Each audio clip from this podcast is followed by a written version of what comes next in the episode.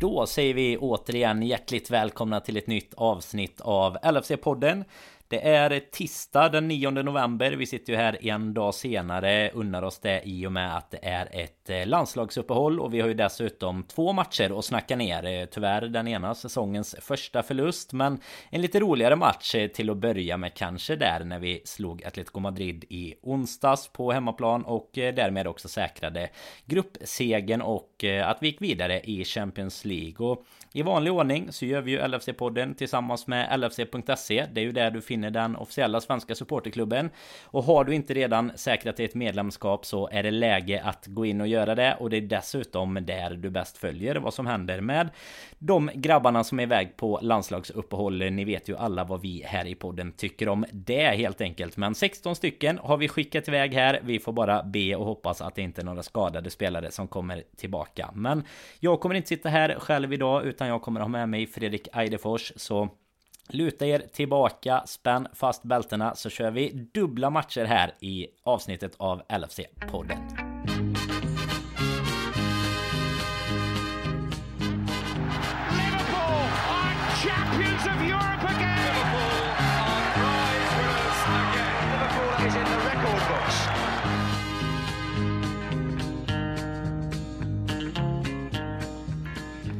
Jajamensan Fredrik. Det är eh, två matcher och vi bara glömmer att vi har förlorat en match nu och tycker jag gå tillbaka någon vecka i tiden där det var desto, desto gladare tider helt enkelt. Vad, minns du att det var nästan eh, en vecka sedan här som vi säkrade gruppseger eller har du liksom grävt ner dig efter söndagen här?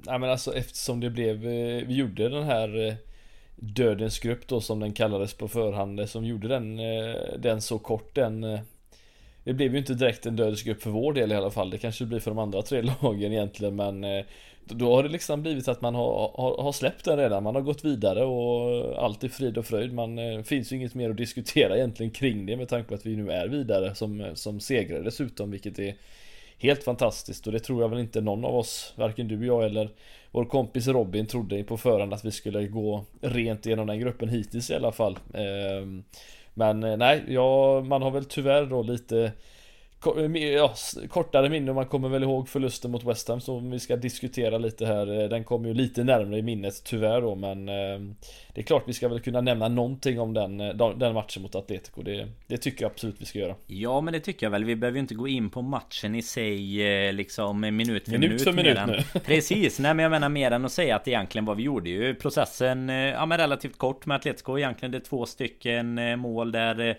Trent som så ofta förr är liksom regissören med assisten och det är först till Jota och sen till Mané. Det är ju en match... Ska vi stanna vid assist ja. nummer två och fråga var, den, var det meningen? Ah, jag tror att det är... Eh, jag tror inte att den är helt meningen. Jag tror att det, han vill dra på ett skott därifrån. Men eh, vad fasen, han har ju eh, så underbara fötter. Så vi, ska vi ge honom den bara eller?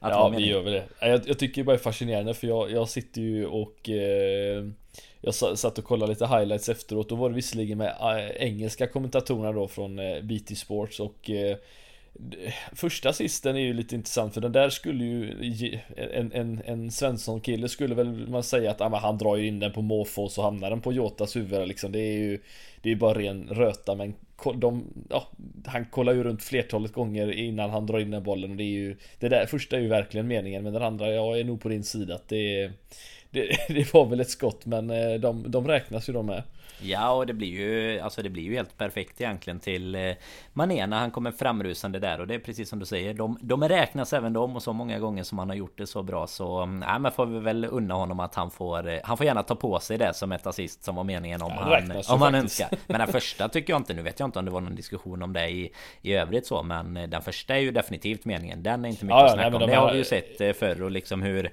Ja men hur, hur väl avvägt det är och Ja vi kan ju bara liksom återigen hylla Jota mm. för, för sitt huvudspel. Han är inte längst i laget men jäklar vad han eh, spänner dit dem alltså. Även om inte denna var någon han behövde så sett duellera och hoppa på. Men det är, det är faktiskt otroligt. Det var länge sedan vi hade någon som var så, så skicklig på just de avsluten. Det har vi sagt för innan också. Ja, jag, jag har suttit och försökt liksom komma på vem eh, när vi senast hade en huvudspel, alltså någon som gjorde sådär mycket mål, framförallt majoriteten av målen man nästan gör då.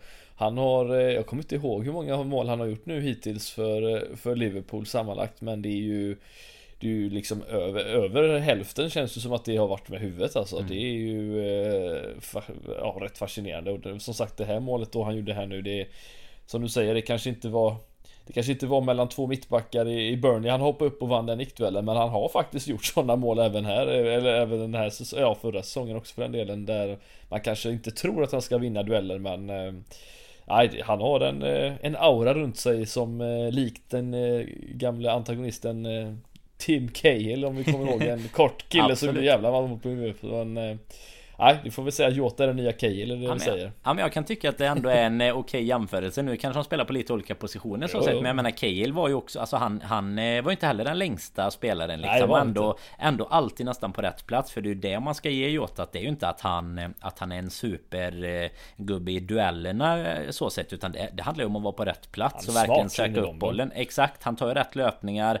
Har givetvis rätt spelare runt omkring sig också som kan leverera de bollarna. Men det handlar ju om att liksom hitta sin plats snarare än att eh, grisa in mellan Tarkovsky och Ben Mi som du nämnde där liksom. De, de duellerna vinner Alltid han Burnley som ska in som jämförelse. Ja, ja men det är, det är ingen LFC-podd utan du... att få jämföra lite med Burnley. Och vi, vi ska väl komma tillbaks till dem lite innan eh, vad de eh, peggade upp för sen eh, som inte vi lyckades så putta in helt enkelt. Men ja. eh, om vi... 1,78 var de där förresten. Va, vad sa du? Båda är 1,78. Cahill och Jota. Ja, ja enligt ju... Wikipedia. Ja, det är ju lika ja. långt som jag. Jag tycker alltså, de ser korta ut. Så Wikipedia då är, jag är ju facit. Sen, sen gammalt är ju det facit i alla fall. 1,78 alltså. Det är båda. Det, det har ju någonting Varför med 1,78 känns de kortare då? på något sätt? Nej, ja, men 1,78 är inte så långt på fotbollsplan tror jag inte. För Nej, det, man, man, känner ju det är ofta ganska Särskilt inte om du möter då Burnley-backar eller några andra. Nej. Brighton, Brighton funkar också. Precis. Men jag tycker annars egentligen kan man väl ta med sig från den matchen om vi nu ska ta från själva matchen. Sen kan vi diskutera gruppen och så i sig. Men det, är ju, det blir ju ett jäkla tumult där efter att eh, Felipe får en ja, rätt billig utvisning. Får vi väl ändå, får vi ändå säga. Ett direktrött där och sen blir det ju liksom kaos. Och eh, då när vi redan har 2-0 så så känns det ju eh, relativt klart. Vi spel, man spelar ju alltså Spelar ju av matchen. Det blir både vi får ju ett bortdömt mål och sen får ju även Suarez ett eh, bortdömt mål eh, lite senare där. Men det, det, känns ju aldrig liksom nära på något sätt. Utan det som blir problemet av matchen sen. Det blir såklart att Roberto Firmino kom in i halvtid eh, för en Mané som var glödhet men också så pass het med en oförutsägbar domare som Klopp sa efteråt där ja. att det var ju vi, vi, var tvungna att ta honom helt enkelt oavsett om vi inte ville det för man visste liksom inte vad som vad som skulle kunna hända med, med den eh, käre domaren och inte heller eh, såklart när Mané först han fick ju ett gult kort men han var ju han fick ju liksom vad, vad kan det varit? 6-7 tacklingar som man tyckte liksom så här, ja men det här är ju helt Fan vad de är ute efter honom och liksom eh, Ja de, de höll på och hacka på honom hela tiden och sen när han väl får den här från Filipper då, då bara nej direkt rött istället Det jo, men alltså, alltså hade jag varit domare och, och jag vet att jag och Robin pratade om det här efter ja men Atletico-matchen när vi poddade den gången och förra matchen då, eller ja, förra blir det nu då. Och eh, nej men just om, om sättet de beter sig, alltså det, det, det är en annan kultur, de, de, de kommer undan med väldigt mycket på ett helt annat sätt. Och i det här fallet så, nej, alltså jag köper det på ett sätt med domaren, det är klart att hade det här varit en, en Champions League semifinal och liksom det står 1-1 och det är liksom Det är ett mål som skiljer och liksom det är verkligen så här eh, tight däremellan. Då, då, då kanske inte en domare ska ta en sån på det sättet men Han är ju bara trött på beteendet. Och jag förstår det också att om han helt och hållet eh, liksom ger det här röda kortet till slut. Men det var ju Ja, han fick ju inte gult och sen gult väl utan det var väl att han tog fram Han tog väl inte fram ett kort förrän han märkte att han faktiskt aldrig kom tillbaka och sen blev det ett rött direkt då. Men det var Så det var nog en kombination förmodar jag att han eh, Han var trött på Felipe och sen var det heller ingen jättefin tackling. Han satte ja, dobbarna på hälsenan. Det kunde ju gått illa det med men eh, Nej, man är ju hård som stål så att det är Han är ingen Keita direkt. Så att han, sönder går han inte för en liten tackling åtminstone. Nej, verkligen inte. Sen det, det diskuterades ju som du säger om det var liksom det här att det typ, typ var dubbelt gult nästan för att det skulle vara gult och sen att han inte kom tillbaka. Men jag har lite svårt att köpa. Alltså då känns det som att han ändå hade så här ja men typ gett honom två gula, alltså verkligen visat att så här, först får du ett gult för det och sen så blir du, blir du utvisad för, för det här. Men jag menar, ska han verkligen få ett gult i så fall för att han går därifrån och inte... Alltså det, det är ju ett ännu hårdare, alltså tacklingen är inte jättehård. Men det hade varit ett otroligt hårt rött kort att ge tycker jag om det är för att han liksom inte... Ja, att han inte kommer tillbaka eller att han inte skulle lyssna. Men eh, som sagt, ja. domaren hade väl... Ja, han, han höll en...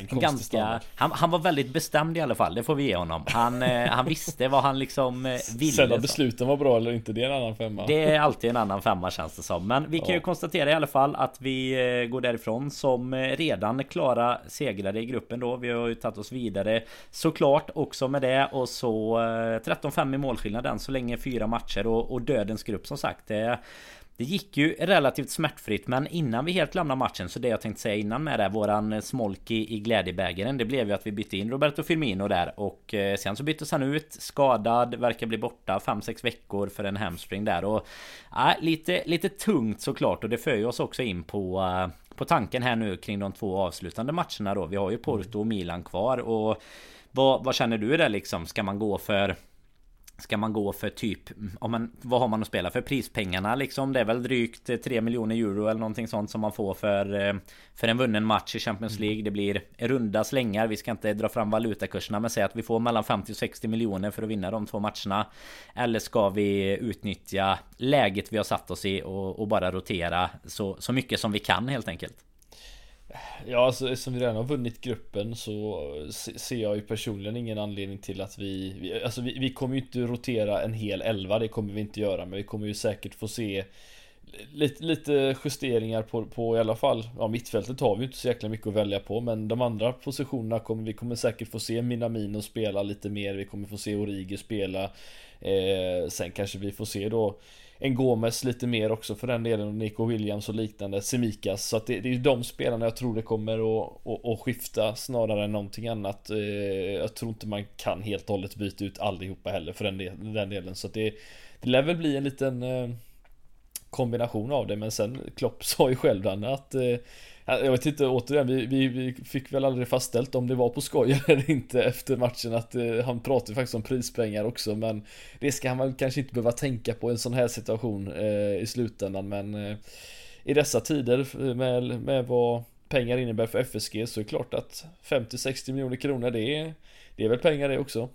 Det... Ja, men man hoppas, ju, man hoppas ju inte det alltså tycker jag. Jag känner lite med den truppen vi har nu och Jag menar du har ju många andra lag som faktiskt kan rotera in eh, Ja men rotera in ganska bra lag. Menar ett jättebra tillfälle att låta Ja men låta spelare som, eh, som behöver speltid få spela och sådär. Och jag menar det är lite samma för oss. Vi har väl vissa bänkspelare som Jag menar en, en Divock Origi liksom till exempel kan ju komma in och, och, spela de matcherna utan problem. Sen behöver man inte mm. skicka ut liksom P12 heller utan man, Det är klart att det kommer bli någon kombination kanske men eh, Jag menar är det någon gång vi ändå kan ta chansen att vila en Salah till exempel så Så är det ju de matcherna. För jag menar det finns ju Ja, ja lite som du säger vi, vi kommer ju inte rotera alltihopa men eh, Ja, vissa kommer ju behöva sin vila och förtjäna sin vila och vi, vi kommer ju med situationen som är i Premier League just nu verkligen behöva Ja men vi, vi behöver ju som, som alltid såklart varenda poäng vi kan få men det känns ju som ett riktigt getingbo den här säsongen där uppe och några lag som Som imponerar och som eh, Som vi såklart behöver att följa med där uppe också så mm. Nej det är, väl, det är väl läge att eh, skicka det tipset till Klopp att eh, vi, vi kan gärna ta några vilominuter i alla fall. Alltså det, det, är väl alternativet så som, som han nu ville gjort såklart med Firmino där. Alltså att du ger han och Mané varsin halvlek eh, i en sån match också. Men jag menar vissa spelare tycker jag inte ens vi behöver och alltså knappt skicka ner till Milano till exempel. Utan låt dem vara hemma och, och vila upp sig i, i någon sån här kylbad eller någonting. sån här som Jamie Vardy brukar sitta i. Har du sett det? Du vet den här Nej, lilla som är som en liten ångbastu fast som är iskall istället. Det är tydligen eh, ja. jäkligt bra för att hålla kroppen ja, Jag vet fräsch. att det ska vara bra att åter, återställa kroppen och musklerna men... Det hade vi behövt. Varsin sån. Efter, podd, efter podden sätter vi oss i varsin sån eh, minus tre grader eller någonting. Bara massa is överallt. ja, efter förluster behövs det ju mer än någonting annat. Så att eh, man är ju... Man är ju ovan nu för tiden vet du. Det är, Ja men, men så är det ju. Det, men jag håller med dig i alla fall. Ja, förlåt. Nej, jag tänkte säga det, det, det vi ska komma in på också. Vi får väl ja. hitta någon, någon sorts eh, Eh, något, något liv vidare efter att vi förlorar för första gången på så många matcher ändå. Det ska, det ska vi nog göra. Men vi kan väl lämna Champions League där än så länge. Jag menar nu, nu hade vi gärna diskuterat eh, potentiella kandidater i en åttondelsfinal och sådär också. Men vi är ju fortfarande som sagt två matcher kvar. Vi kommer ju spela om drygt en månad framåt nästan. Så är ju faktiskt den sista matchen i gruppen. Så ingen brådska där. Vi kommer ju komma tillbaka givetvis både inför Arsenal-matchen där nästa helg. Eller näst nästa nu då. Det är ju landskamper till helgen. Men sen då um, inför och efter de matcherna också. Så mm. det blir full fart i det. Bara konstatera att det var jäkligt skönt i alla fall. Vi var ju lite nervösa i början på gruppen såklart att eh, Ja men att det skulle bli tuffare än vad det faktiskt blev eh, Kan bara konstatera att de har gjort ett riktigt riktigt bra jobb så långt där och så Flyttar vi oss väl så sakteliga tycker jag till eh, till söndagens match här som ligger tyvärr då lite mer färskt i, i minnet och Ja Fredrik, vad ska, vi, vad ska vi börja egentligen i den här matchen? För det var fasen så här att när matchen väl drog igång då var det 0-1 eller 1-0 då i och med att det var på, eh, på West Hams hemmaplan. Men då var det, var det mål i baken direkt där och oh. ja, lite varande och sådär. Men vad, vad känner du kring, eh, kring det första målet där, den situationen? Ja, man, men det är väl sån här, man har ju sett eh, domare eh, släppa dem tidigare och man har släpp, sett domare inte släppa dem tidigare. Jag såg eh, Ja, det första jag tänkte på, jag såg någon annan eh, faktiskt reagera på det också. Det var ju faktiskt i den där 2-0 matchen mot eh, United som eh, när, när Salah så fint seger, eh, seger eh, säsongen när han springer in 2-0 där i slutet så har ju faktiskt van Dijk en, en, en liten situation när han hoppar upp liksom tillsammans med de Gea. Där använder han ju faktiskt inte ens händerna. Eh, Den eh, borde ju ha stått men han blev avblåst istället. Och det, det är så himla ovanligt att det blir jämna beslut som tas i det här fallet. Det, domarna verkar ju gå på olika typer av regelböcker och det, det är ju det som man inte riktigt blir klok på. Jag Alltså jag har inget emot att det blir lite, lite ståhej i straffområdet sådär men det är, det är klart att när det börjar bli att man förhindrar någon och kanske stör på det sättet man gör målvakt så Kanske det bör eh, ja, blåsas av men jag har ju sett allt för många gånger det, jag faktiskt tycker det är lite för mesiga grejer de, de blåser för men eh, Ja, nej, jag, jag, jag vet inte, jag hade ju gärna såklart sett det blåsas av. Det tror jag vi alla hade gjort men ja. eh, Ibland får man bara liksom stå på sig och säga att sånt här händer och det Tycker väl fortfarande att Alisson ska göra bättre. Jag tycker han eh, Ja, han har ju varit fantastisk den här säsongen. Vi har ju pratat om hur grym han har varit i sitt 1 mot 1 spel eh, Med tanke på hur många gånger den här säsongen faktiskt spelare kommer eh, Lite halvt fria med honom och där har han ju varit jättebra men eh, Tycker fortfarande han har lite kvar att jobba på när det gäller just pondusen i straffområdet Trots att han är ändå en stor kille på det sättet så så nej, lite för enkelt blir han väl mobbad här tycker jag men eh, Det är West Ham Danne, vad ska man, vad förväntar man sig annars?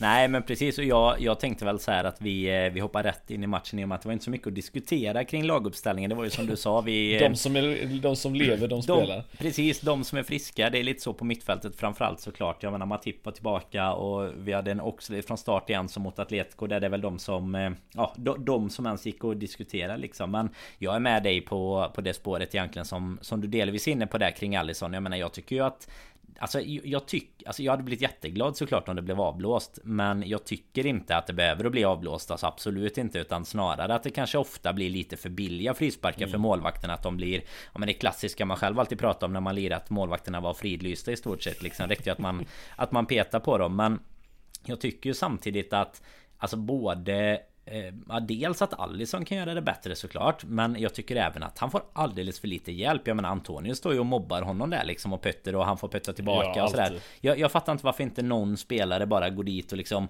Ja men typ lyfter bort Antonio. Det är mm. kanske inte Det är lättare sagt än gjort liksom Men alltså bara stå och ställa emellan och liksom mobba tillbaka ungefär För det är ju det som gör att han blir så pass störd. Och sen då och Bonna kommer upp där och Det de egentligen tittar på lite Det är väl om det är en armbåge eller någonting som kommer upp och det Det gör det väl lite lite men inte alls på det sättet som eh, Som jag tycker att det ska bli avblåst för. Så att eh, Nej jag, jag blir bara så jäkla besviken precis som du säger på att du, du liksom inte kommer dit och har gjort din hemläxa. För det är precis det här som West Ham vill. Alltså de vill ju ha fasta situationer mot oss. Man såg ju hur Alltså det tog ju en minut innan du såg hur, hur de mm. planerar att spela sin match liksom. De ställer sig som en, en köttmur och alltså efter det målet så Det är ju inte innan minut 20-25 någonting som vi börjar spela fotboll igen. För det är ju Alltså det blir skador och det liggs ner och domaren blåser för det ena och det andra. Alltså verkligen en sån här match där man bara kände att så här, Va? Har det gått 20 minuter? Jag kan inte ens komma ihåg att jag sett en, en passning på plan liksom. Utan det är väl i stort sett när, när nämnde och Bonna där då byts ut egentligen som... Eh, alltså det blir ju ett, lång, ett långt uppehåll där när han...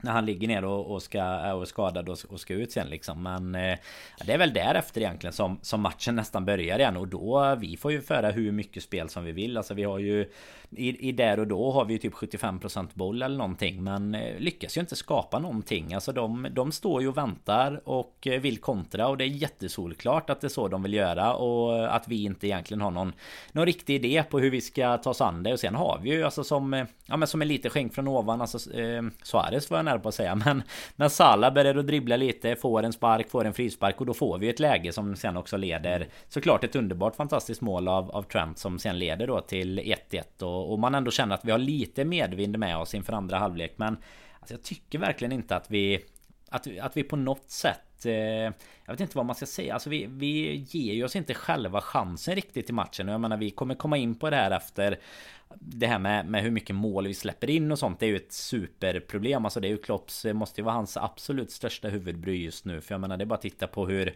Ja men hur tabellkonkurrenterna Hur, hur lite mål de släpper in. Och, och jag menar hur mycket mål vi gör Kontra många andra lag som ligger Ja men faktiskt numera då ganska nära oss i tabellen. Och Sen är det väl egentligen bara att konstatera att De målen som Som görs igen Jag menar det är ytterligare ett hörnmål som leder till 3-1 och sen 2-1 målet. Jag menar där är vi ju Där, där vill jag bara känna så här Där ska vi bara sparka sparkar ner Bowen på mittplan. Alltså det, det, ska vara så här.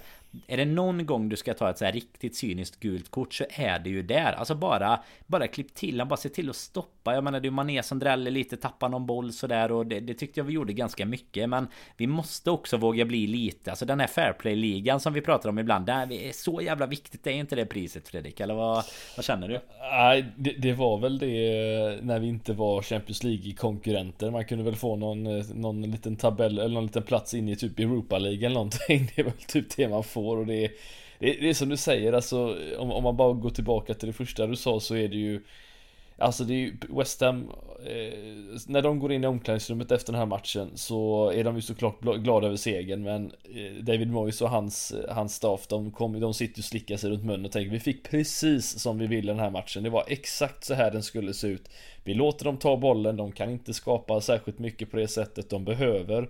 En match som är fram och tillbaka, jag menar även i en match där vi vinner med 5-0 så är det ju fram och tillbaka mot United exempelvis mm. i vissa situationer eh, och, och sådär och det är ju Det är ju sån fotboll vi behöver och När vi då, nu ska jag inte lägga den här förlusten på, på Oxley Chamberlain exempelvis men när det, när det blir sånt här tempo så blir det en spelare som honom exempelvis. Han mår ju inte alls bra av fotboll där vi När vi är på possession utan han ska ju ha fotboll där det är, spela fotboll när det är fram och tillbaka där han får ytor att spela på. Så det var ju Mycket som inte matchar in överhuvudtaget för de spelarna som spelade heller. Det blev Det blev allt för uppenbart att West Ham Kan stå ganska stabilt och enkelt och, och, och ta hand om allt som vi försöker, försöker oss på i slutändan och som du säger också det tog ju nästan en halvtimme innan det faktiskt spelades fotboll och där där är det ju skitsvårt att liksom bara vända om helt och hållet och, och, fortsätta när det, när det går på det sättet och lyckligtvis fick vi in då en boll så sett men eh, Nej, West Ham gjorde ju precis som de eh,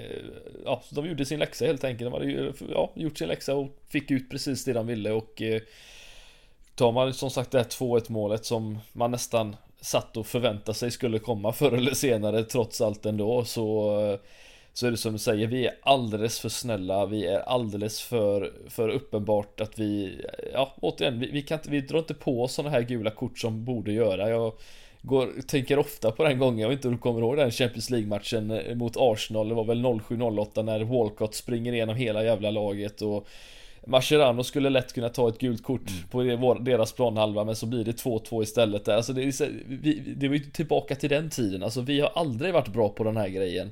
Att bara liksom döda, döda matchen på det sättet, alternativt döda ett anfall. Återställa och sen kanske vi, det är vi som gör mål istället och det är... Eh, nej, vi är för snälla Danne, det, det är vi. Vi, är, vi behövs lite, lite ondska i det här laget tror jag. Ja, men, ja men vi har ju pratat om det innan lite det här med, med man tycker alltså nu nu är det ju, det gör ju, går vi tillbaka till Atletico där, det, det är ju väldigt skönt att slå ett sånt lag som man liksom bara Ja, svärmar kring.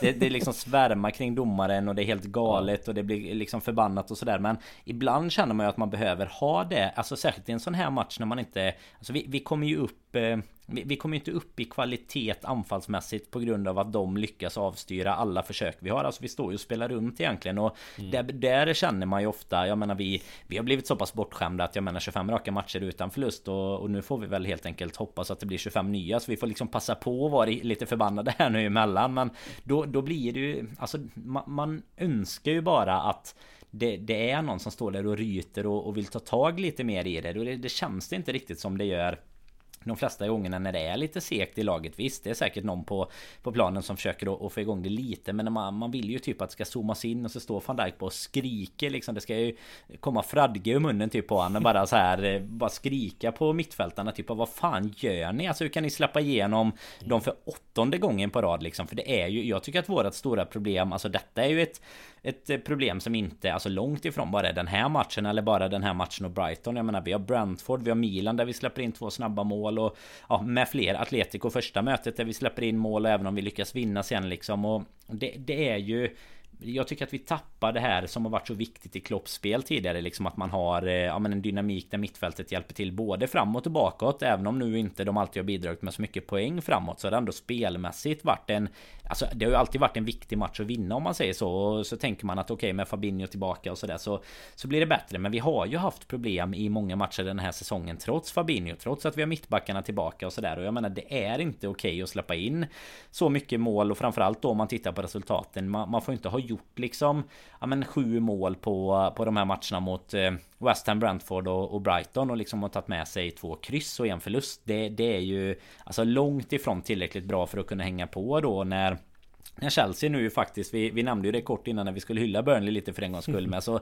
så lyckades ju de slå med sig en poäng från Stamford Bridge också. Jag menar om det väl peggas upp i, i de här matcherna så, så måste vi ju se till att ta de chanserna och jag menar så säger man varje gång det, det är toppkonkurrenter som tappar. Men jag menar det är ju verkligen så tight också att det, det är så extremt viktigt att man är där och, och tar poäng då i de matcherna där det, där det faktiskt kommer kunna betyda någonting. För jag menar det Oxlade som du nämner innan Han har ju hackats på tillräckligt liksom. Jag menar det blir ju inget bättre när Thiago kommer in heller. Nej, Alltså nej, det är ju och nästan sämre. Alltså han kommer ju in med en sån det, På tal om attityd och så tycker jag han kommer in med liksom Han, han spelar ju också bort massa. Jag menar han Han kommer ju ändå med ett rykte om sig och, och vara en extremt skicklig spelare på att lösa upp just den här typen av matcher egentligen. Sen såklart då han har varit skadad och Inte spelat så mycket det sista och nu men alltså där är ju en gubbe jag är så extremt besviken på alltså. Det är Ja det, det är väldigt väldigt mycket att bevisa. Det är Naby Keita nivå liksom. Till och med lite under nu när Keita i alla fall Trots att han är skadad hela jäkla tiden kommer in. i alla fall. han, han gör någon bra match emellanåt och, och så någon, något drömmål emellanåt så. Och det,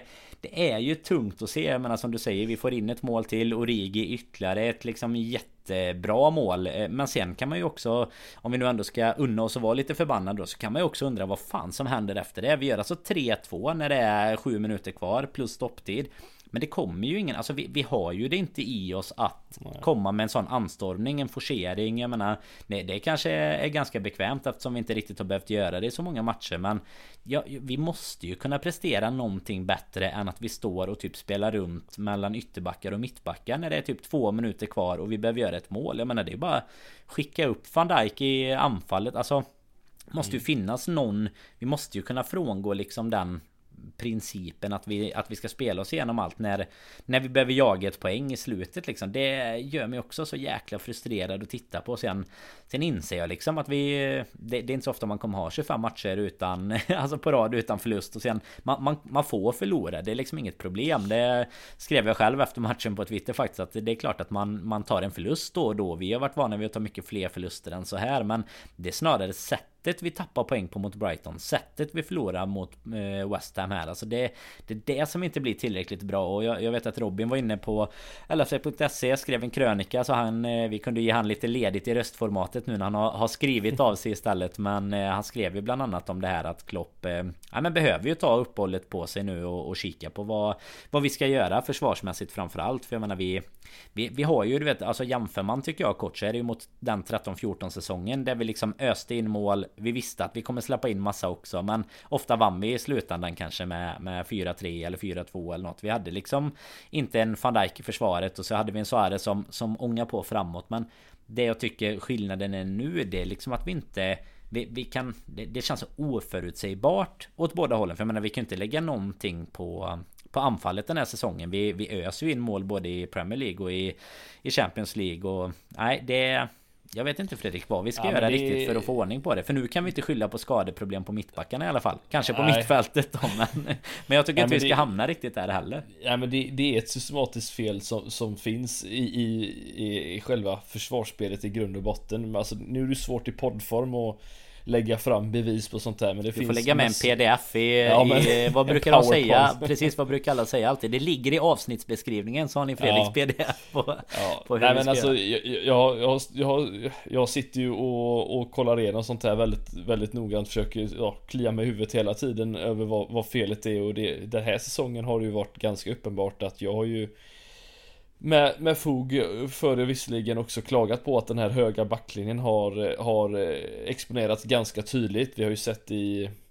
flertalet gånger att till exempel offensiva, eller ja, i det här fallet då defensiva frisparkar mot oss då Att vi ställer den här backlinjen jättehögt och eh, förlitar oss på att en spelare antingen står offside när frisparken slås eller att det blir någon för dålig passning och det, det, det finns inte bara i på fasta utan i spelet och vi bara kolla på 2-1 målet som de gör här nu. Visst det var ju Han skulle definitivt Bowen blivit nedsparkad på, på planhalvan innan dess men Jag menar kolla hur högt backlinjen står när den passningen går igenom till Fornals. Kolla vart Allison står när passningen eh, Slås och när han skjuter bollen. Det är, det är mycket som inte stämmer överens och Brighton-matchen var ju bara ett, ett jättetydligt tecken även på det med hur de hittar just den här ytan mellan försvar och, och mittfältare. Och där har ju varit ett problem när Fabinho inte har spelat men som du säger, det har sett illa ut vissa gånger han är med på planen också.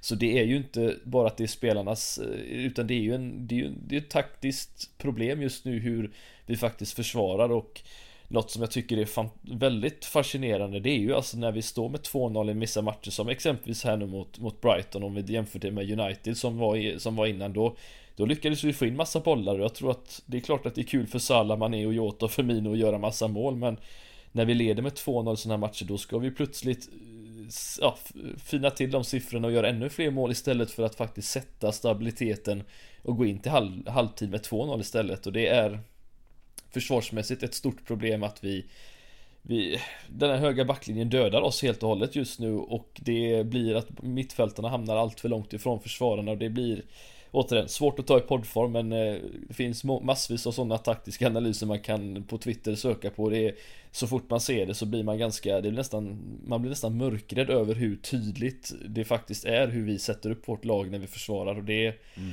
det, det, är inte bra för vara topplag som ska utmana och eh, nu vill jag inte heller få det så att säga som att det är över. Jag menar vi är fyra poäng från Chelsea och det är Finns mycket att spela om så sätt så det, det, är absolut inte över. Men jag menar kolla Vi har alltså släppt, släppte alltså in ett mål de första fem matcherna Och sen har vi släppt in tio mål de nästkommande sex matcherna. Och det är ju En sån jävla skillnad i hur man approachar de här matcherna. Och framförallt så tycker jag ju det här med mentaliteten Vi pratar om det här med Ja men alltså att vi, vi är vinnare, att det är liksom de vi, vi, står emot alltihop men alltså Brentford körde ju över oss mentalt. Vi släppte in till slut de bollarna. Jag menar West Ham gör du på ett sätt här nu med. De har ett övertag mot oss på något sätt och det, det upplever jag inte att de här lagen har mot dem Även om det såg bra ut för Brentford mot Chelsea Förstår mig inte helt fel här nu men det, det känns som att det är någonting som saknas just nu. Om det är trötthet, om det är uppgivenhet för att det kanske inte sitter i försvarsspelet Det vet jag inte men eh, som Robin skrev i krönikan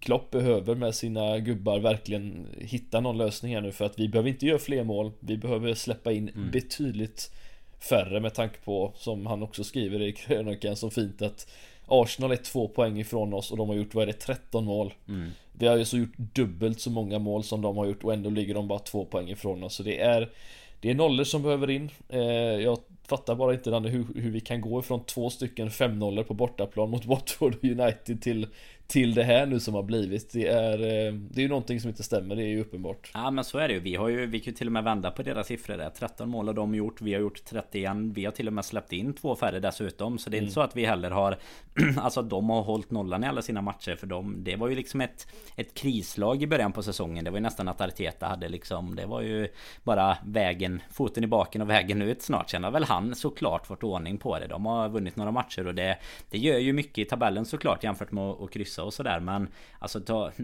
du pratar om den höga backlinjen bland annat. Och tar man Tar man det som om vi tar 5-0 matchen mot United till exempel som Som du nämnde där, det var ganska mycket fram och tillbaka i början där också. Vi har ju blivit ganska räddade av Allison många gånger med. Jag menar han har varit eh, Haft en bra säsong så här långt ändå Men Han har ju en av sina sämre matcher här eh, Sen, sen liksom i alla fall vad jag kan komma ihåg Typ City-matchen där han Skänkte bort några baljor och, och, här har han ju en riktigt tuff match. Jag menar både mm, Inte för att Även om det nu blir ett självmål det första Det är, det är mer duellspelet i det läget och sen på 3-1 målet så har vi ju inte lärt oss under matchen heller Utan han får ju ingen hjälp Kuchuma kommer upp helt fri För att nicka in det 3-1 målet också så han, han har en ganska tuff match också 2-1 är väl alltså det, det är sådana mål som kanske händer men jag tycker ju att eh, en, en världsmålvakt ska ändå eh, kunna vara, vara med där. Sen, sen är det klart att man kan inte rädda alla bollar heller. Men han har ju definitivt inte sin bästa dag. Och tillsammans med det då så...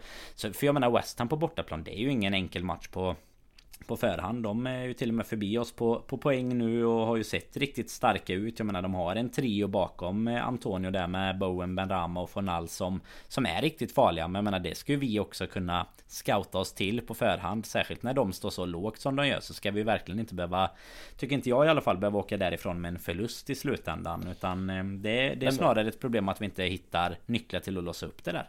Ja men alltså det, det är just det här som jag tror det känns som det känns nu det är att folk, att du kan Du kan spela ett, ett sätta defensiven och, och, och, och se ja, men, stabila ut och kanske försvara majoriteten av, av en match eller en halvlek ibland. Men du kan ju fortfarande göra mål för det. Alltså det handlar ju mm. bara om hur du faktiskt Liksom hur du jobbar tillsammans som ett lag. Vi, Återigen, nu har vi hyllat eh, Jag har hyllat Chelsea extremt mycket den här säsongen Just för hur de har gjort och de, jag menar de de sätter ju defensiven först och sen på ett annat sätt än vad City gör som sätter pressen mycket högre på ett annat sätt. Men de sätter det först Och sen därefter ser de till att de eh, hanterar och disponerar den tiden de har med bollen i slutändan. Och Just nu känns det som att vi Vi kan inte göra någon, vi måste göra någonting av det. Antingen måste vi försvara eller så måste vi anfalla. Och när vi väl bara försvarar så ser det ju Helt katastrofalt ut just nu ändå. Men det är eh, Nej, det, det är någonting som behöver hända eh, Så är det ju. Och eh, ja, upp, det är ju uppenbara problem vad det är som, som händer men eh,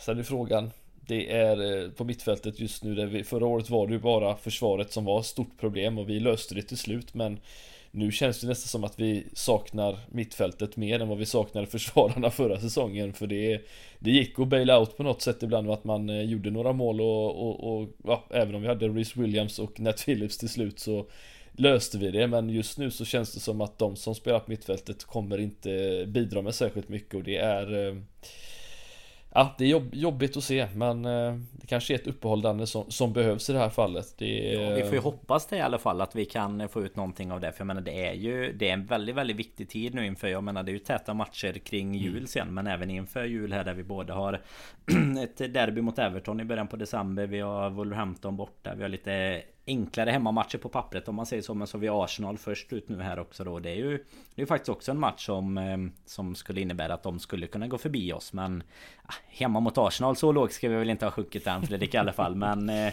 det, det, är ju det, det, är ju tätt som sagt Alltså West Ham och City ett poäng framför Du nämnde det innan Chelsea fyra poäng Så det är ju långt långt långt ifrån att det ska vara någon liksom eh, upp med Domedagsprofetiorna här Utan det, det kan ju vända jättefort Men det är väl mer så det är väl mer konstaterandet hur det ser ut kanske spelmässigt och sådär tycker jag som är ett problem snarare än att poängen i ligan. Jag menar det såklart hör det ihop att poängen behöver att, Och komma in men jag menar det kan ju som vi nämnde med Arsenal det kan gå ganska fort men eh, det, det, är väl snarare att man kanske inte känner att vi har riktigt ordning på spelet för att faktiskt kunna ta de där poängen sen också. Men det är ju bara att titta på ett Manchester City till exempel. De fick plumpen hemma mot Crystal Palace och Chelsea nu då hemma mot Burnley liksom. Så att eh, det, det är klart, det händer ju alla. Men det får inte hända för många gånger. Och nu är vi ju redan då på West Ham. Om en då toppkonkurrent i detta nu i alla fall. Brighton och Brentford då. Det är ju, det är ju tre lag som vi Ja, det är inte dem vi ska tappa för mycket poäng i alla fall. Sen har vi tappat både mot City och Chelsea såklart med. Men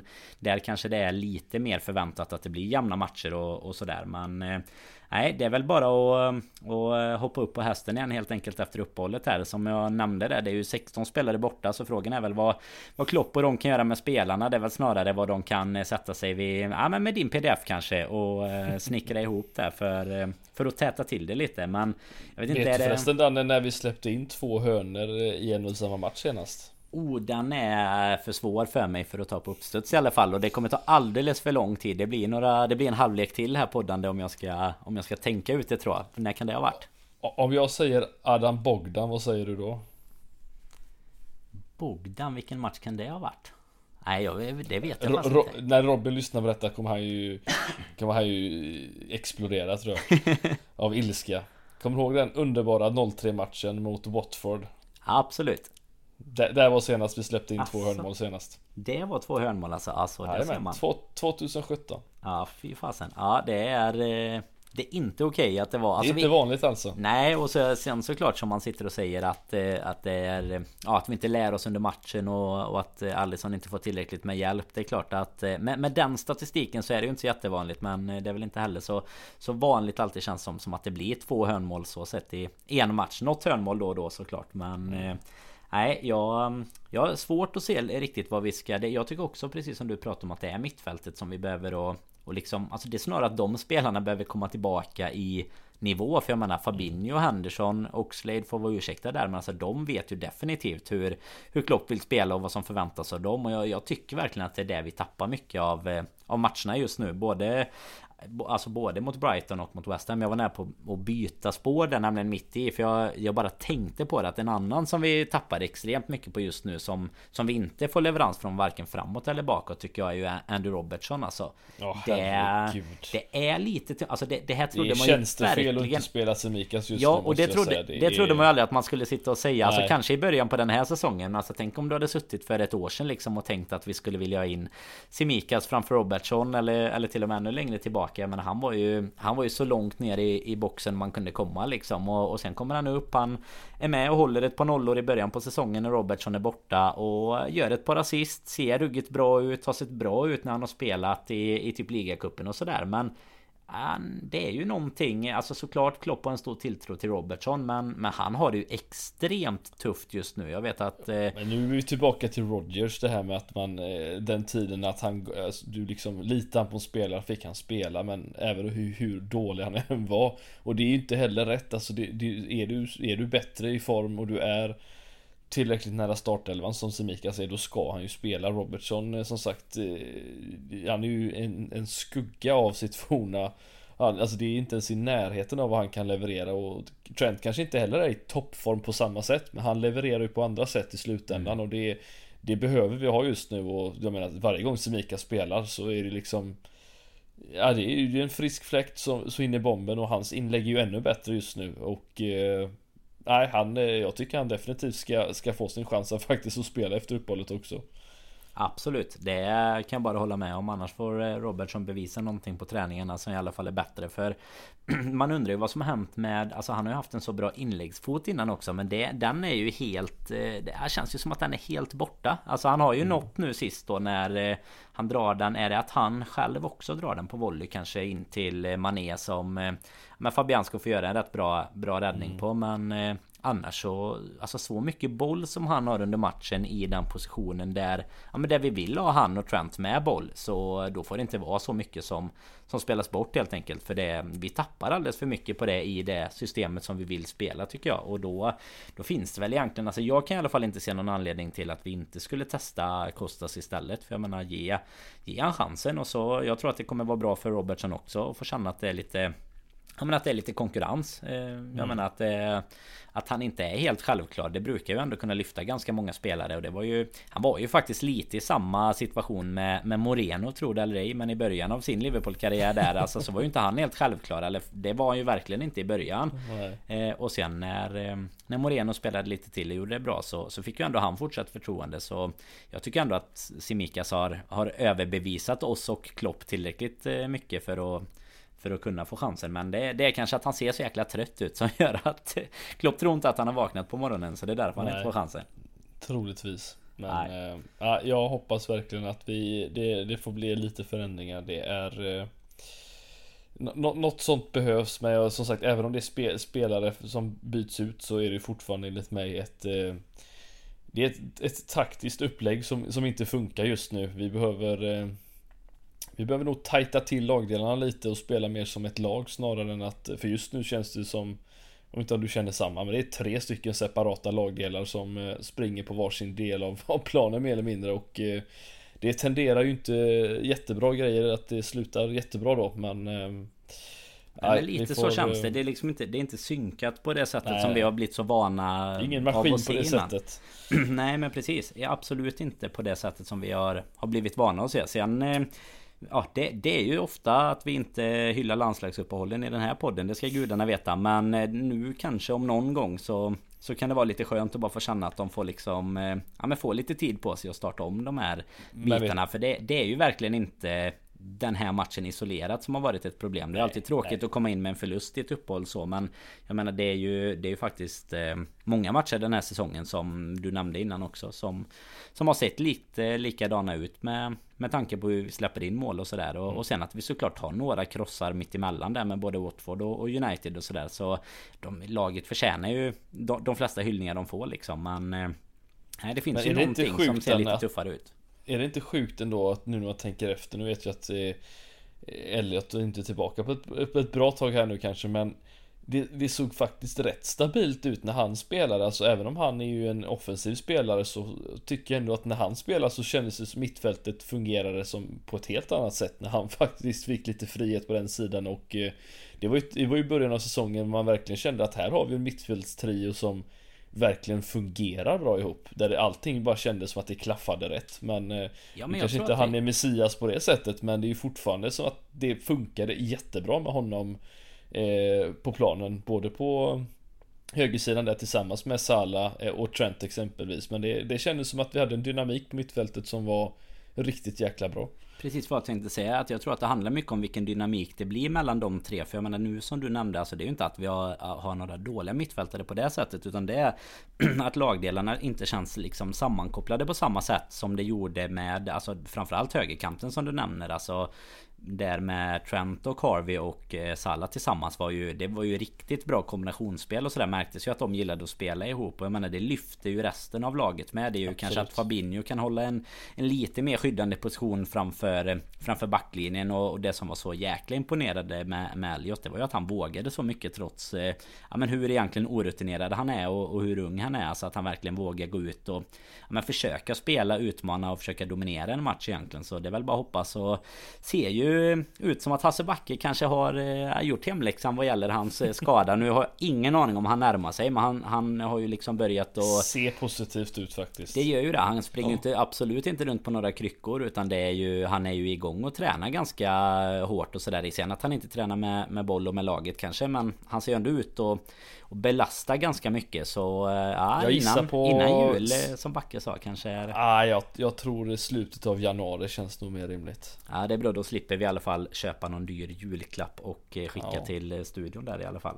Ja. Nej det känns och framförallt tror jag de absolut inte vill stressa fram någonting men Så är det ju Absolut. Det är, jag, jag, tror vi får nog någon gång i januari känns väl ganska rimligt Men hade han kommit tillbaka tidigare så är det ju inte riktigt vad man trodde efter de skräckbilderna man Man såg på Ellen Road när det, när det väl hände Det var ju Herregud, ja, nej det var det vill man helst inte prata om igen kanske men nej, det hade varit jättegött att få tillbaka honom för han stod ju faktiskt för en, en, en hel del. För att vara så ung så var han ju faktiskt eh, en eh, Stack han ut på mittfältet eh, på ett helt annat sätt än vad jag trodde han skulle göra. Så det är Får hoppas att han kan komma tillbaka lika bra efter skada som han var innan. Det vet vi ju hur Det har sett ut tidigare för vissa Liverpool-spelare men Vi får Absolut. se, han är ju ung fortfarande Så är det ju. Nu har vi ju dessutom alltså vi, vi behöver ju verkligen få tillbaka lite bredd. Vi har ju pratat om mittfältet såklart. Jag saknar jag menar, Milner där. Ja men det, det sjuka är ju att det faktiskt är så. Det är verkligen eh, en avsaknad där tycker jag. För jag menar en Thiago som verkligen, verkligen behöver steppa upp i nivå nu om han väl börjar att, att komma tillbaka. Jag menar nu fick ju Minamino några minuter sist. Han verkar ju verkligen vara liksom... Eh, han har, han har ju svårt att få sina minuter annars. Han fick väl eh, två mot Brighton eller någonting också. Men det är ju ligacupen för hans del annars. Jag tycker ju ändå när han kommer in här. Nu spelar han som sagt inte superlänge denna gången heller. Han spelar väl kanske sista, kan det vara 10 eller någonting. Men jag tycker mm. att han är den såklart också inkommen med lite ny energi och piggare ben. Men han är ändå en som, som syns ganska mycket när han kommer in och tar en del löpningar och sådär. Jag hoppas att vi kanske får se mer av eh, den gode japanen och annars. Jag menar på bänken visst, vi har en Origi som kommer in och gör mål och ska man absolut inte ta något ifrån honom. Men alltså det, det är ju inte det är inte jättemycket alternativ att jobba med om vi nu ska Ja beroende på skadesituationer och sånt Men jag menar om vi nu ska ta ut en startelva inför Inför Arsenal sen till nästa podd så ehm, det, ja, det är inte jättemycket att jobba med utöver att vi kanske har en Simika som kan byta med Robertson. Annars är det ju Ja möjligtvis då mittbacksfrågan om en Konate ska spela istället för Matip och sådär. Sen det, det är ju lätt att säga i efterhand nu men jag menar det Matip har ju varit så pass bra att han det fanns ju inga frågetecken när man såg honom i startelvan om man säger så den här gången Nej. Oavsett om nu Antonio, alltså Konate är en mer fysisk spelare mot Antonio och sådär kanske Men, men alltså Matip har ju varit så ruggigt bra innan så så där ställer man inga frågetecken i alla fall och vi får väl bara hoppas att det Att det börjar att ljusna. Som sagt Det är ju en Elliot som är borta Det är en Firmino som är borta och sen har vi ju då på På mittfältet där så är det ju Milner, Keita och Curtis Jones. Han fick ju en ögonskada av alla olika skador man kan lyckas få nu. Det vi, eh, vi är innovativa vad gäller skadorna också. Det ska, det ska fasen gå igenom hela repertoaren innan vi får tillbaks någon. Men vad känner du annars om vi ska liksom stänga West Ham-boken? Stänga förlustboken för den här säsongen kanske förhoppningsvis. Eh, det, kan, det kanske är en lite för hög utopi Fredrik Men eh, vad, vad ska vi liksom ta med oss från West Ham annars? Så är det en veckaklocka väckarklocka som laget behöver tror du?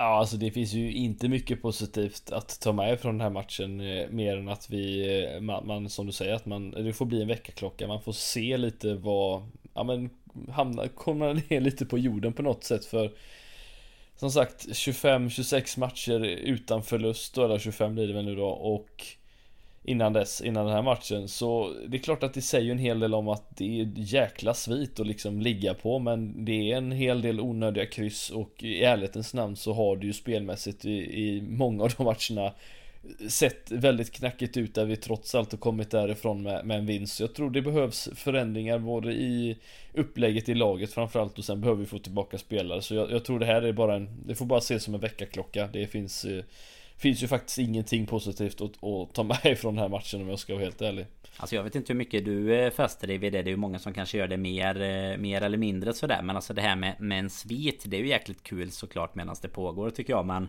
Tänker alltså jag, aldrig på det. Nej, jag kan ju känna det att jag kunde ju liksom inte bry mig mindre nästan när det, när det fortfarande är så att vi har 22 poäng på 11 matcher och det är tre lag som har fler liksom. Alltså då, då spelar det, även om vi hade kryssat nu och haft eh, ett poäng till då 23 och då hade City legat på samma och Chelsea fortfarande tre poäng för. Alltså då Visst obesegrade det är jätteroligt och det, det är kul att kunna prata om rekord men Det hjälper ju inte om vi inte tar Alltså det behöver ju vara segrar lite som, som vi nämnde innan Det ska vara som 1920 säsongen där du vinner liksom så här eh, X antal matcher och så kommer det krysset mot United och så gick man på en lika lång svit igen. Alltså vinner du matcher i rad Det är ju det, det är därför Arsenal är där de är nu Exempelvis för de Precis. vinner matcher. De förlorar inte, de kryssar inte, de vinner matcher. Och det är ju bara kolla vad som händer när du börjar vinna några i rad. Då händer det en jäkla massa. Så att eh, kryssa förlust och, och, liknande då Då droppar man ganska snabbt i ligan. Framförallt mot de här topplagen som, som vi utmanas mot just nu då. Och det är eh, Nej, en svit är inte intressant så länge du inte går och vinner väldigt många raka matcher på rad. Annars så du ser ju bara vart vi ligger. Det, vi ligger ju inte etta ändå. Nej men exakt och det är det som är lite intressant. Alltså nu, nu hoppar vi en vecka i förväg här kanske. Vi kommer tillbaks måndag, tisdag någonting nästa vecka också och pratar upp Arsenal-matchen där. Men de har ju också nu då åtta raka i ligan utan eh, förlust. Jag menar de börjar ju helt katastrofalt som vi nämnde innan. Och, och sen då ändå bara tre raka vinster egentligen. Två kryss mm. innan dess. Men jag menar det gör så jäkla mycket att ta dem. Jag menar säg då att vi hade slått, alltså bara helt hypotetiskt men att vi slår Brentford som man ändå tycker att vi Vi borde kanske i en sån tillställning där vi gör tre mål även om de var, var jättebra och kanske mer eller mindre förtjänade att, att vinna. Men vi borde ändå kunna låsa, låsa igen det liksom med, med våra 3-2 mål där till exempel. Och sen då tar du Brighton där vi, där vi har 2-0 nästan 3 och bara borde kunna stänga igen butiken. Jag menar då är vi ju på samma poäng som Chelsea. Mm. Då är det fyra poäng till Och jag menar Chelsea har gjort några mål färre men de har alltså släppt in fyra mål eh, På hela säsongen och, eh, Eller på i Premier League då Och sen vi har släppt in 11 mål och jag menar det är väl någonstans mitt emellan som kanske hade varit normalt. Jag menar fyra mål är ju surrealistiskt lågt liksom. Medan 11 mål kanske är lite för högt för att ligga med uppe i toppen. Men det... Nej, någonting måste ju till där. Sen får vi ju gärna fortsätta spela den frejdiga anfallsfotboll som vi gör. Det är ju, är ju helt fantastiskt att titta på. Men eh, nej, vi placerar oss på fjärde plats. Eh, första plats får vi nöja oss med i Champions League så länge. Men in i det här landslagsuppehållet och, och vi har väl egentligen konstaterat det att eh, ja, det, det, är ju drygt och det är inte riktigt men eh, snart en tredjedel av säsongen spelad och eh, ja, lite förändringar behöver till men vi är ju definitivt fortfarande med Fredrik. Vi ska väl inte helt skriva av den här utlovade ligasegern som jag drog efter var det United-matchen? ja, nej det ska vi inte göra absolut inte utan det är det, det finns mycket kvar att spela och vi har ju sett det här laget framförallt eh, förra säsongen vad, vad som kan hända om man eh, om man går tillsammans som en grupp och börjar vinna lite matcher även om du är i, ja, dålig sits på, på det sättet men eh, där är det, har du lite mer överlevnadsgrej. Vi är ju inte det vi är ute efter här nu. Här handlar det om att visa musklerna och faktiskt visa att man är ett mästarlag på något sätt och det är ju en helt annan femma eh, och spela på ett sånt sätt än att spela att, att, att jaga någonting i slutändan. Mm. Så nej, det är eh, ja, ja, ja, ja det är det finns mycket kvar att spela den, helt klart. Sen får vi väl se om, det, om vi blir uppe i toppen eller om vi kanske utmanar Champions League-platserna vi kanske, kanske får se Steven Gerrard dessutom eh, träna Premier League dessutom och då kanske det är mot Aston Villa, de kanske de börjar gå upp i, i tabellen också, vem vet? Men, Nej, jag eh, tänkte vi skulle nämna det som en liten eh, sista grej här i, i avsnittet ändå. Vi kan bara konstatera en ganska dyster statistik i alla fall innan vi helt slår igen den här mm. förlusten. Det är ju att vi, vi har ju alltså inte lyckats vinna en enda match eh, än så länge i ligan där vi har släppt in ett mål. Det kan vi konstatera och det, det är ju oroande om någonting i alla fall. Det, um, oh, det visst, det, det, det låter inte bra nej. Det, det är en statistik som du kan ta med dig. Fördelen är väl att de vi har vunnit då, de håller vi nollan i helt enkelt. Så vi, vi har ju ändå lyckats hålla nollan en del gånger men när vi släpper in mål så har det inte varit... Eh, nej, det har inte varit tillräckligt bra. Och nu är det ju så att Ja men som vi pratade om där, jag menar Jag nämnde innan sju gjorda mål mot Brighton, Brentford och West Ham och, och två poäng på det. det Det är det som vi behöver att och lösa mm. nu framöver helt enkelt. För mål gör vi. Vi behöver se till att vi inte släpper in lika många. Men vi kan väl eh, innan vi liksom stänger igen den här landslagsuppehållsbutiken också nämna det som du nämnde där. För att Steven Gerrard har ju seglat upp som eh, ja, lite favorit just nu va? Eh, enligt mm. Bookmaker som man alltid brukar hänvisa till när det är favorit i alla fall. Att han, han ligger bra till för Aston Villa jobbet. Det är ju Mirakulöst nog så, det är ju en jäkla tränarkarusell Men Ole Gunnar, han sitter säkert såklart. Ole the wheel men det var ju faktiskt både då Dean Smith i Aston Villa Det var ju Nuno strax innan där då i, i Spurs. De han ju till och med De hade väl Conte på andra linjen redan. Det, det, gick ju ganska fort innan eh, han kom där. Sen var det ju faktiskt Farke också som fick lämna Norwich där efter deras första vinst för säsongen. Det var ju taskig timing efter 20 raka Premier League-matcher utan vinst Den kändes väl dock förutbestämd innan va? Ja men den, den, de hade ju nästan hoppats på en förlust där Känns det ju som. Alltså 20 raka utan att de vinner. Sen går han och vinner och så dagen efter typ Nej han får lämna. Men det, det är klart det måste vara det, det är mer kring det än, äh, än bara det. Men till då i alla fall Aston Villa som helt plötsligt blir intressantast. För det gick ju ganska fort efter Farke också Så kom ju det ut att Dean Smith eh, kommer eh, få lämna Eller fick lämna Och han har gjort ett eh, jättejobb i Aston Villa med att ta upp dem och sådär igen. Men Nej såklart inte kanske hållit måttet så här långt den här säsongen. Och då är våran allas egen Steve Gerrard nu favorit. Han är ju i, i Rangers Lyckades ju bryta Celtics svit där med sin ligaseger sist och, och ligger ju bra till även den här säsongen. Men Ja, vad fan, vad hade vi känt för... Eh, vad hade vi känt för det där Fredrik? Ja, alltså jag tycker först och främst att det är ett bra steg för honom om det nu blir så. För det är... Eh, det verkar ju verkligen som att det är många tidningar som, eh, som faktiskt skriver att det här kan, kan, kan bli av att det är intressant i alla fall. Så det, vi får väl se om det blir så. Men det är ju absolut ett, ett kul jobb för honom att kunna ta. Det finns ju potential med det här Aston Villa-laget. Jag menar det är, det är ju Grealish som har försvunnit och Ings eh, tänkte jag säga. Eh, det är inte det, han har kommit dit. Eh, som har kommit dit och de har en bra anfallstrio där framme som, som kan eh, stå för väldigt mycket men det, det, har inte funkat den här säsongen för dem bara så att eh, jag tror det hade varit Det hade framförallt varit jäkligt kul att få dit honom Det hade bara känts konstigt om eh, han kommer till, till Anfield som tränare för ett annat lag och verkligen inte står på, på rätt sida om vi säger så då men eh, Jag hade jättegärna sett det här hända Jag tror att det hade varit ett, ett bra steg för honom faktiskt och, och börja på det sättet men eh, Mm. Ja, vi får se om det blir av men jag, jag hoppas det verkligen blir det för det hade varit jättekul faktiskt både för för Premier League att få en sån eh, tränare hit också, en sån karaktär och, och, och legendar på ett annat sätt än eh, alltså spelarväg så att det vi ser ju hur, hur vissa spelare, gamla spelare kan göra det bra. Vi ser en eh, Patrick Vieira som exempelvis börjar få saker att hända med Crystal Palace och Visst, Lampard kanske det inte gick jättebra för men eh, vi hoppas ju att det gör det för Steven i det här fallet för han har ju gjort under med, med Rangers hittills i alla fall. Ja och ärligt talat så han kommer ju faktiskt nu med, med lite renommé. Jag menar han har ändå, ändå tagit Rangers till toppen. Visst att det inte är sylvass konkurrens från resten kanske i, i Skottland. Men eh, det räcker väl att ha Celtic men mot sig. Helt obesegrade och... ja, ja, och så alltså dessutom verkligen... bryta deras, deras svit ja. liksom. Jag menar det och sen då... Eh, ja men gjorde ju en del i, i även i ja, i Europa och sådär eh, tog sig en bit också. Även om han eh, fick se sig besegrad av eh, ja, men Robins gubbar där nere i, i Malmö nu då i kvalet till Champions League däremot. Men det var väl Europa League förra säsongen som de också tog sig en, en bra bit. Jag menar nu Aston Villa har gått eh, fem raka förluster nu. Slog ju den enklaste matchen på hela säsongen såklart. Senaste segern var ju mot United borta där. Det är ju inget den, problem att ta sig till. Vem vinner inte där? Nej exakt. Och jag menar det, det hjälper er inte i tränarkarusellen. Förutom om du är eh, Norrbagger och vinner på Old Trafford. Då räcker det med en seger där så, mm. så blir du kvarhållen. Men ja, jag kan väl känna lite så också. Alltså det, det är lite... Lite så här tudelat i att man, eh, man, man vill ju så här romantisera att Gerard ska spela eller träna Liverpool en gång i framtiden såklart. Men det hade ju faktiskt varit ett, eh, ett fantastiskt steg att ta emellan som du säger. Alltså för att, för att visa någonstans att man liksom håller måttet ungefär även i Premier League. Eh, och, och jag menar skulle man göra ett bra jobb med Alltså gör han ett bra jobb med Aston Villa typ i tre, fyra säsonger eller någonting från nu om nu det skulle ske och, mm. och Liverpool liksom Klopp sticker efter sitt kontrakt och känner att det, att det är dags då um, Då har ju han också gjort Alltså då, då har han ju lite mer krattat upp för att kunna vara en kandidat en sån dag. Sen ska man ju absolut inte bara gå på att han är en klubbikon och hela den biten. Det, du nämnde Lampard där, vi ser hur det kan gå liksom. Men eh, Nej, då, jag, jag, tror ändå att det är en bra, en bra, ett bra steg på vägen om man säger så. Och mm, även om det då inte skulle bli Liverpool framöver så får man ju i så fall önska honom liksom all, all framgång i Villa. För de är ju ändå en klubb som eh, Ja men har, eh, alltså de, de har ju en väldigt rik historia dels då och sen eh, efter att de tog sig upp igen så gjorde de ju en väldigt bra säsong förra säsongen och